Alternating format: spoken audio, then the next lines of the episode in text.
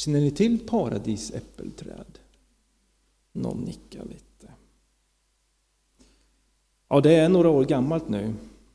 Det är ganska stort och spretigt. Och frukten på paradisäppelträd, de där äpplena, de kan man inte, de är små och hårda och sura, svåra att äta. Jag har hört att man kan göra någon form av gelé eller sylt om man anstränger sig, som typ Ernst Kirchsteiger. Så de här äpplena, de faller ner, man måste kratta upp dem annars blir det bara knölar. Och det grenar faller. Man måste hålla efter det här trädet. Det är mest arbete, men ingen frukt. Jo, vad är det då som är kvar?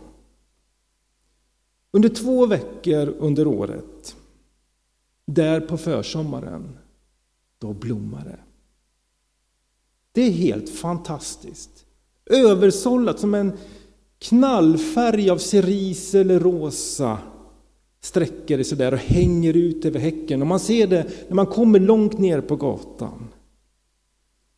Det rationella i mig säger, du gräv upp det där, sätt ett riktigt äppelträd och så får du frukter du kan njuta av. Men det står kvar där. Och det kommer att stå kvar där. För två veckor under året så ger det oss en glimt av hur vacker och skön vår skapelse är och väcker den där förundran hos oss som vi så väl behöver. Predikotexten jag tänkte stanna för idag är hämtad från Lukas evangeliets trettonde kapitel, vers 6, några verser framåt. Och Jesus gav dem en liknelse.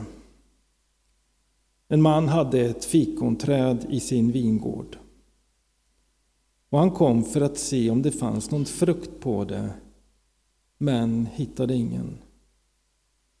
Och sa han till sin trädgårdsmästare, i tre år har jag kommit och letat efter frukt på det här trädet utan att hitta någon. Hugg bort det.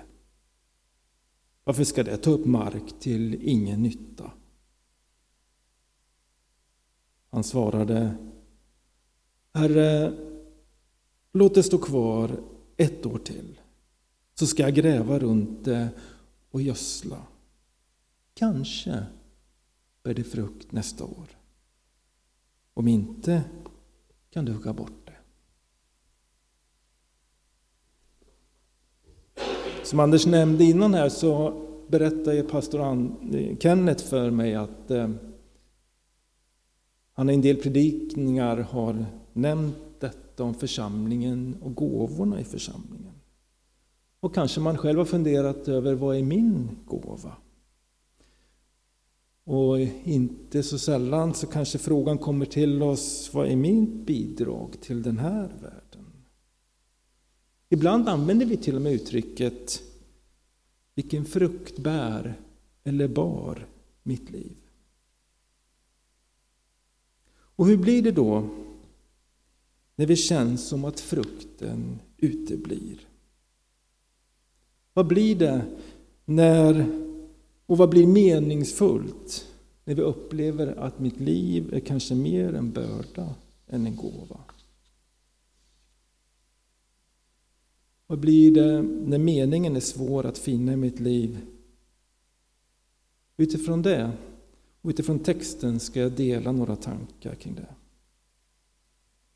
När vi läser texten här så hör vi den och för en del av oss kan det kännas lite krävande och inte så jättebekväma med det här kravet om att det måste bära frukt. Och det kanske är mest det som man lyssnar till. Genom Gamla och Nya testamentet så används ofta bilden av en vingård om Guds folk genom historien. Det vilar en barmhärtighet över den här texten Fast vi kanske inte ser det från allra första början. Det första tecknet på barmhärtighet det är att i denna Guds vingård så är man efterfrågad. Skapelsens Herre är intresserad. Inte bara av sitt folk i helhet, utan han går runt där till varje människoplanta och undrar vad blev det av ditt liv? Vad är frukten i ditt liv? Det är inte slumpen eller tillfälligheter som gör att vi trampar på den här livets väg, utan någon har planterat och nu frågar oss om det liv vi lever. Inte som ett övervakande öga, utan som en barmhärtig hand. Innan jag hade min tjänst här på Rehov så jobbade jag ett antal år på Tidaholmsanstalten som fängelsepastor. Så ibland har jag fått frågan vad, vad är skillnaden och, eller vad är likheten med att jobba på fängelse och på sjukhus? Då har jag kommit fram till det att en sak är det att en del, för en del av de som vistas på fängelse och på sjukhus har man det gemensamt. Att livet inte blev som man hade tänkt sig. Det kanske inte är så vanligt att vi bedömer andra människor eller nästan ifrågasätter vad han eller hon kan tillföra den här världen. Jag tror att vi många gånger har ganska stor fördragsamhet och tålamod med varandra. Även om vi kanske ibland har lite svårt att förstå varandra. Jag tänker att hårdast blir vi nog mot oss själva när vi börjar fundera på vår frukt till den här världen, i det sammanhang som jag är. Man kanske ibland har svårt att se sitt eget värde. Och skälen till det, tänker jag, de kan vara lite olika. Det kan vara som den mannen som berättade för mig att när han var liten så fick han från en förälder höra att han egentligen inte borde finnas. Det är klart att det sätter spår. Ett liv som blir fyllt av en kamp om ett sökande efter bekräftelse att man har något som någon annan behöver. Eller det kan vara så att den som erfar en ofrivillig förändring i sitt arbetsliv, ett arbete som betyder så mycket för en, och nu när jobbet inte är en del av en längre, antingen genom att man är uppsagd, arbetslöshet eller pensionering, så kan det bli svårt att hitta en tillvaro där man känner att man bidrar med genom bara att vara den man är. Det kan också vara så, och inte sällan på sjukhuset möter jag människor som på olika sätt drabbas av förluster som påverkar den här förmågan att känna sig själv meningsfull. Man drabbas på ett sådant sätt att det som varit en mening i livet innan inte längre är det. Det kan vara den där starka kroppen som alltid funnits där för familj och för vänner. Men nu är den svag och knappast orkar ta sig upp ur sängen. Det kan vara för den där läsandet och skrivandet har varit avgörande i livet. Men nu när ögonen drabbas på ett sådant sätt så är det mesta i mörker. Det kan vara den som lider av psykisk ohälsa men trots det, och mot alla odds, med hjälp av mediciner och en omhändertagande omgivning, trots allt, har fått livet att fungera. Men nu, nu är det ingenting som fungerar. Och hopplöshet är som ett tungt täcke över livet.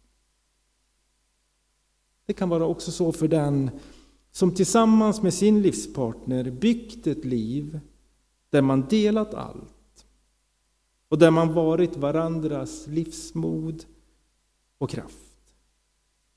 Och så händer det som många av oss har erfarit, att den man älskar rycks ifrån en. Genom svek eller att döden är ett faktum. Då kan det ibland bli svårt att även efter en tid finna sin egen plats och förmågan att känna en mening. Och den vill liksom inte komma tillbaka. I de här situationerna, när man möter i de här olika, så hör jag ibland meningen som kommer över läpparna. Jag vet inte om jag orkar mer. Var finns meningen?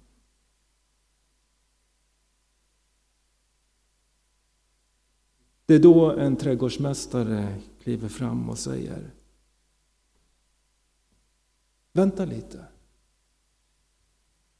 Låt oss fortsätta. Jag ska gräva lite till. Jag ska ge ny näring. Jag ska skapa luft. Skapa möjligheter att känna att det finns en plats. Andra kanske har gett upp för länge sedan. Men trädgårdsmästaren säger, inte jag. Jag fortsätter. Så tänker jag på vårt paradisäppelträd. Det är där för att det är vackert. Kan frukten, kan skälet till att vi finns i grunden vara att vi i Guds ögon är det vackraste som finns? Innan vi ens har hunnit göra en enda god gärning så är kärleken från skapelsens Gud, Jesus Kristus och den heliga Anden redan omslutit vårt hjärta. Kanske behövs det en trädgårdsmästare för att upptäcka det. Att vi står här för att vi är det mest vackra och mest värdefulla i hela skapelsen. Och det är därför vi finns till. Jag läste en kommentar när jag satt med detta där det stod att vingårdsägaren och trädgårdsmästaren i vår text, det är inte två olika krafter, utan man ville se det som att det är bilden av ett resonemang som sker inom Gud själv. Skaparen, Fadern, Sonen Jesus och Anden för ett samtal med varandra. En pendling mellan rättfärdighet och nåd. Mellan att göra och mellan att vara. Och så till slut. För mig har det blivit tydligt när jag funderat över den här texten, över vår plats och gåva, så framträder en bild att den där trädgårdsmästaren som säger vänta, det är du och jag. Och vårt förhållande till vår medmänniska.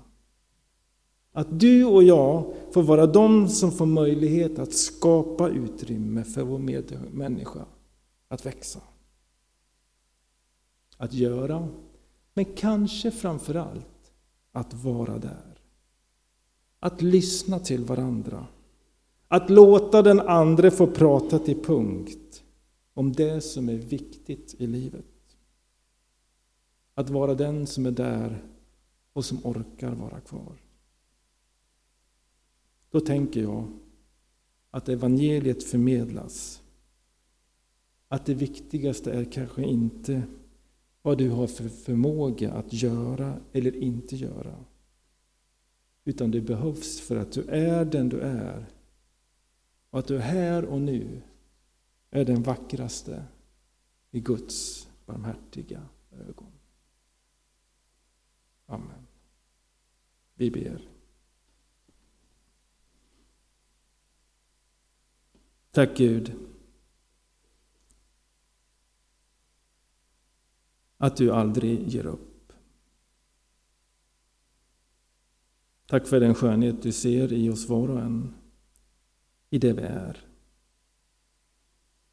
Hjälp oss, Herre, att vara trädgårdsmästare i din vingård. Att vi får också vara de som säger vänta, vi ger inte upp. Du behöver inte ge upp. Jag vill ge dig plats. Hjälp oss på vilket sätt vi ska se och möta vår medmänniska. I Jesu namn. Amen.